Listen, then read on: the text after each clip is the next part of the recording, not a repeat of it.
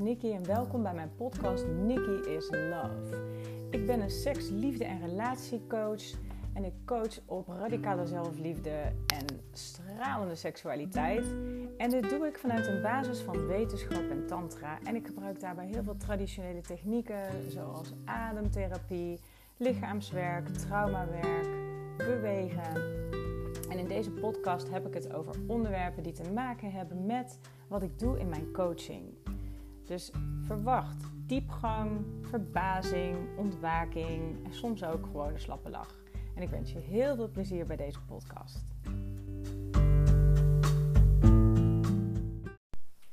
Hallo allemaal. Welkom bij een nieuwe podcast van Nikki is Love. Vandaag gaan we het hebben over in je kracht staan. Want in je kracht staan, wat betekent dat nou precies? Het is vooral heel erg spannend, denk ik. Want ja, wat gebeurt er als je in je kracht gaat staan? Dat is natuurlijk best wel een verantwoordelijkheid.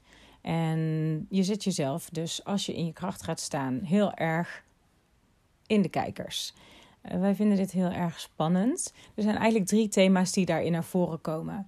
Het gaat namelijk over veiligheid. Als ik in mijn kracht ga staan, dan ben ik niet veilig. Want dan, daar ga ik dadelijk dieper op in trouwens. Um, het gaat over oh, erbij horen. als ik in mijn kracht ga staan, hoor ik er dan nog wel bij. En het gaat over houden van.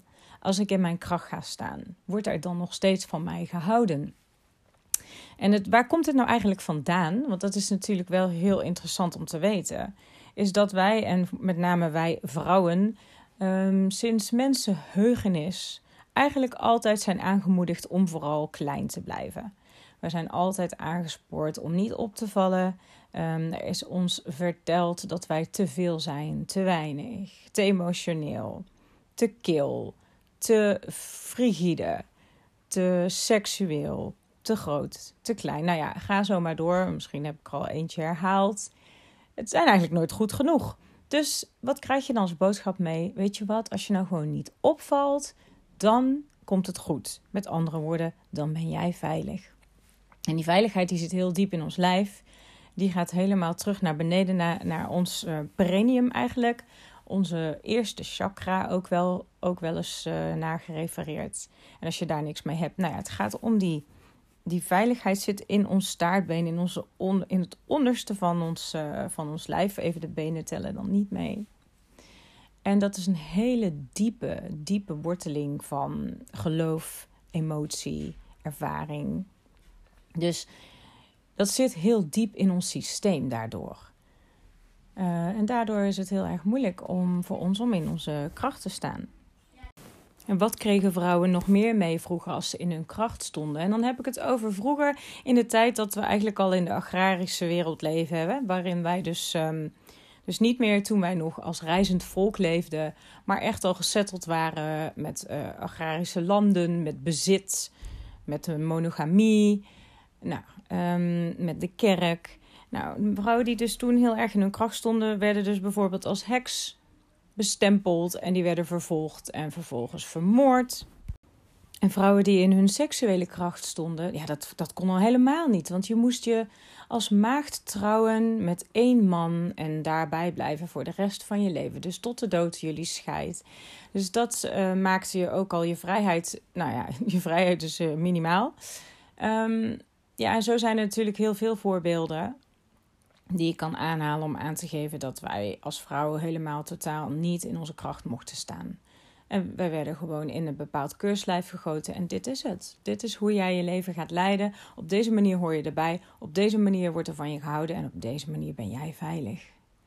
Maar gelukkig, gelukkig, thank goddess, gelukkig, zijn er niet of zijn er vrouwen geweest die daar niet naar hebben geluisterd en die zijn toch in hun licht gaan staan, die zijn toch gaan stralen en die zijn toch hun kracht gaan pakken. En die hebben zichzelf sterk neergezet en gaandeweg. En we zijn nog steeds, nog steeds, denk ik, in de kinderschoenen daarvan. Maar gaandeweg beginnen er steeds meer vrouwen te voelen dat wij allemaal gewoon in onze kracht, in onze kracht kunnen gaan staan. En dat er nog zoveel te halen valt. En niet alleen voor ons vrouwen, maar gewoon voor de hele wereld en voor de maatschappij. Want als vrouwen in hun kracht kunnen staan, naast elkaar, dan hoeven wij ook niet meer bang te zijn voor elkaar. Want het is natuurlijk iets wat we heel erg veel zien gebeuren bij vrouwen. En niet bij mannen, want het zijn met, bijna nooit. Het zijn met name vrouwen die elkaar de ogen uitsteken. Dat ze um, elkaar aftroeven, ook met, eh, zich met elkaar vergelijken. En dit is ook wel heel interessant. Ik heb een heel gaaf boek gelezen. Dat heet Sex at Dawn. Uh, ik weet even niet de naam van de schrijfster. Maar dat zal ik hieronder dadelijk wel zetten in de tekst. En in dit boek gaat het heel erg over hoe wij als vrouwen eigenlijk vroeger, toen we nog rond. Dat weten ze niet 100%, 100% zeker, maar daar verwijst eigenlijk alles naar. Dat toen wij nog niet in de agrarische wereld leefden, maar echt nog aan het rondreizen waren in stammen. Dat, wij, dat er geen monogamie was, maar dat, er, ehm, ja, dat het allemaal heel vredelievend was. En dat ja, dat er dus ook onder de vrouwen geen competitie was. Want dat kwam pas op het moment toen eigendom begon te ontstaan. Want vroeger hadden wij ook geen eigendom. De wereld was van iedereen. En je, je ging gewoon rond om je voedsel te krijgen. En toen kwam in één keer het idee vanuit de westerse wereld eigenlijk van... Goh, als je nou een stukje land hebt, dan kun je daarop je voedsel bewerken. En uh, nou ja, er hoort dan ook een huis bij. En er hoort dan ook een man en een vrouw die dan bij elkaar horen. En toen begon het eigenlijk, want toen gingen vrouwen eigenlijk mannen zoeken die economisch dan uh, voor het gezin konden zorgen. En mannen gingen vrouwen zoeken die kinderen konden baren. Dus er kwamen voorwaarden aan. Want vroeger, toen we dan nog rond gingen reizen, toen zorgde iedereen voor elkaar. Dus toen was er altijd genoeg voor iedereen. En was het niet van dit, dit is mijn man afblijven. Maar ja, iedereen zorgde gewoon voor elkaar. En ook voor elkaars kinderen. Dus dat was veel, ja, dat was in mijn ogen althans heel krachtig. Maar goed, even terug naar dus nu. In je kracht staan dat vond ik heel spannend. Ik weet nog dat ik aan mijn bedrijf begon en dat ik nou, echt mezelf nog niet op een podium zag staan of mezelf op een video zag zingen. Nou ja, en allerlei dingen waarbij je dus eigenlijk heel erg zichtbaar bent. En gaandeweg kwam dat toch steeds meer. Het werd steeds makkelijker en het werd steeds, ja, gewoon. Ik dacht er eigenlijk niet meer zo over na. En dit is zo'n mooie beweging geweest. En er zijn, zoveel, er zijn heel veel mooie oefeningen die ik daarvoor moest doen waarin je constant maar weer opnieuw jezelf uh, die nieuwe, die nieuwe neural pathways, hè, die um, neurotransmitters aanmaakt.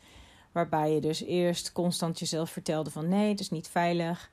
Uh, dat je jezelf echt gaat aanleren dat het juist wel veilig is. En dat je gewoon in je kracht kan staan terwijl je veilig bent. Dat je gewoon kan stralen terwijl je toch nog steeds veilig bent.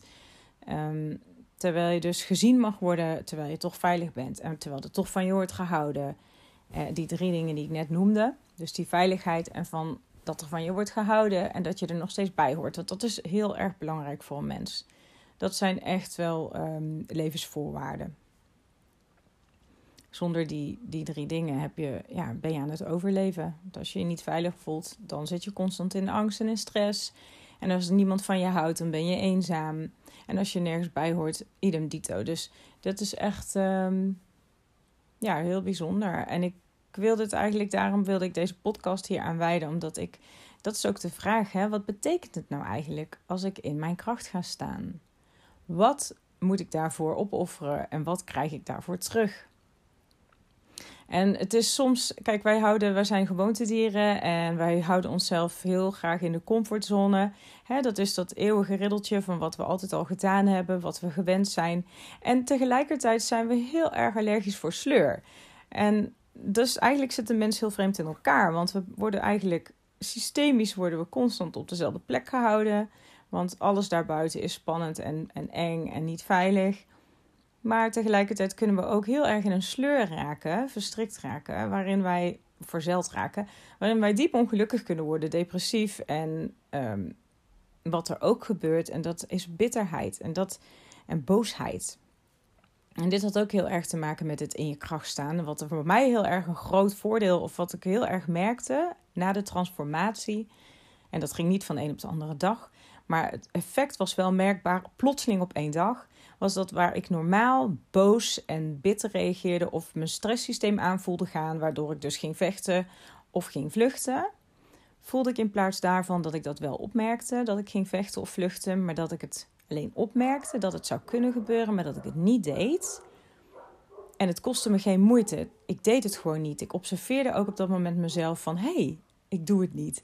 En daardoor ontstond er dus ruimte waardoor ik bij de diepere laag terecht kwam, waarin ik dus verdriet tegenkwam en mijn ware emotie kon uiten, dus de waarheid kon leven. Truth as power is er ook een van de, de zes oefeningen die ik moest doen hiervoor. En bij die waarheid als kracht of macht, uh, die ik toen uitsprak, toen kreeg ik ook gelijk een reactie terug, een respons van degene waarmee dit gebeurde die ook vanuit zijn waarheid kwam. En daarin vonden we elkaar en hadden we een prachtige verbinding op dat moment, die we eerder niet hadden gehad. En dit was met mijn zoon. En dit was zo mooi en zo wonderbaarlijk. En toen voelde ik me dus op dat moment, toen dat gebeurde, echt in mijn power staan. Ik voelde me zo krachtig. Het was zo geweldig. En dan hebben we het niet over kracht van He-Man of Superman. Van oh, ik ben zo krachtig, ik ben sterk en beter dan de rest, hè, sterker dan al die anderen. Nee, maar echt krachtig vanuit van binnenuit. Echt stevig. En dat was, was, was geweldig. Daar was ik zo ontzettend blij mee. Dus um, nou ja, daarom wilde ik even dit korte verhaaltje aan jullie met jullie delen. Wat het voor mij heeft gebracht. En ik gun echt iedereen dit. En het zal voor iedereen anders uitpakken. Dat is ook het mooie ervan. Maar ga eens voor jezelf na en ga eens bedenken van... Goh, waar ben ik nu? En waar, waar denk ik dat ik eigenlijk hoor te zijn? Wat, waar ben ik voor geboren? Is dit het nou of is er nog veel meer? En je weet dat. Je innerlijke weten weet dat. En mensen die niet hun volle potentieel leven, die worden heel gauw getriggerd in het dagelijks leven. Die, want die worden constant geconfronteerd. Hè? Het leven is één grote spiegel van je innerlijk wezen. En je wordt heel de dag door geconfronteerd met alles wat jij van binnen niet durft te leven of wat je hebt verstoten. En dat uitzicht dan in triggers, dus dat uitzicht in jaloezie, in boosheid, in afwijzing, in verstoppen, in negeren. Hè? Het is er niet. En ja, daar kun je echt heel erg ongelukkig van worden. Je gaat constant uit contact eigenlijk daardoor, waardoor je dus niet in vrijheid kan leven. Want je bent heel de tijd bezig om jezelf veilig te houden, zogenaamd van al die triggers. En ik kan je één ding vertellen. The only way out is through. Dus de enige manier om daarvan af te komen is er dwars doorheen. Er is geen omweg en er is geen terug of omkeren. Je kan niet weglopen van jezelf. En alle delen van jezelf die je niet accepteert, of niet laat leven, of niet de aandacht durft te geven, die, die gaan niet weg. Sterker nog, die gaan vaak groeien. Je moet het eigenlijk zien als dat je binnen in een huis zit en dat ben jij dan in je lijf. En al die dingen die je eigenlijk niet aan durft te kijken, die staan bij jou aan de deur te kloppen. En als jij die deur niet open doet, dan blijven ze gewoon kloppen. En dat kloppen is vrij irritant. Daar kun je wakker van gaan liggen. Daar kun je geïrriteerd van raken. Ehm, maar op het moment dat je die deur open doet en zegt: Nou ja, kom maar dan. Kom maar hoger zelf. Kom maar binnen en hier is een stoel, ga er maar op zitten. Vertel. En dat doe je letterlijk. Dat zijn oefeningen die je letterlijk kan uitvoeren. Dat je echt elk stuk, elk innerlijk deel van jou, hè, elk subpersoonlijkheid, elk archetype, elk, elke emotie, elke sensatie, kun je er apart bij nemen. En letterlijk op een stoel zetten of gewoon van binnen visualiseren en aandacht geven. En wat gebeurt er nou als je dat doet? Dan wordt hij rustig. Misschien eerst niet, hè? Ik wil niet zeggen dat alles gelijk heel tof en positief is. Nee, zeker niet. Het, uh, het is, uh, persoonlijk werk is, is bijna altijd lelijk en grof en moeilijk en zwaar. En daarna wordt het licht en fijn. En, maar dat is altijd, na inspanning komt ontspanning. Maar zonder die inspanning komt die ontspanning niet. Dus dit is echt um, ja, wat er dan te doen is. En dat is ook echt, dan kom je in je kracht te staan. Want dan kun je ook durven. Maar er, ja, er moet wat opgeruimd worden. Die, die stoep die moet even schoongeveegd worden, als het ware. Maar niet in afwijzing. Dus die delen van jezelf, die, die moet je wel accepteren en liefhebben. En die krijgen ook een plekje in jouw huis. Of in jouw troonzaal, of hoe je het ook wil noemen. En daar worden ze rustig van. En dat is fijn. Want dan ben je ook weer de baas over je eigen leven. Want hoe vervelend is het als je niet bewust bent van iets wat je eigenlijk zou willen, maar niet voor jezelf hebt gedaan. En je vraagt je steeds af: waarom ben ik steeds jaloers op iemand in je omgeving? Of waarom voel ik me steeds zo ongemakkelijk bij die en die persoon of bij, bij bepaalde activiteiten? En daar kun je achter komen. En dat is ook persoonlijk werk. Ik vind het een super mooi onderwerp. Ik kan er echt een hele dag over praten, merk ik wel. Maar dat ga ik niet doen. Um, nou, als er vragen zijn of opmerkingen, dan hoor ik ze heel graag. Je kan mij volgen op Instagram, Nikki underscore is underscore love. Uh, ik zit ook op Facebook, Nikki is love. En uh, binnenkort komt mijn website uit, maar ik doe het nog even rustig aan. Want ik ben nog bezig met mijn opleiding ook. En ik wil die verdieping ook uh, eerst vinden, zodat ik weet welke niche ik ga kiezen. Maar ja, ik hou jullie graag bezig op mijn podcast met verschillende diepe onderwerpen. Dus laat het even bezinken en uh, nou ja, kijk, misschien heb je er wat aan, misschien haal je er wat uit, misschien wel niet. Nou, wie weet de volgende keer dan. In ieder geval bedankt voor het luisteren en ik wens je een hele fijne dag.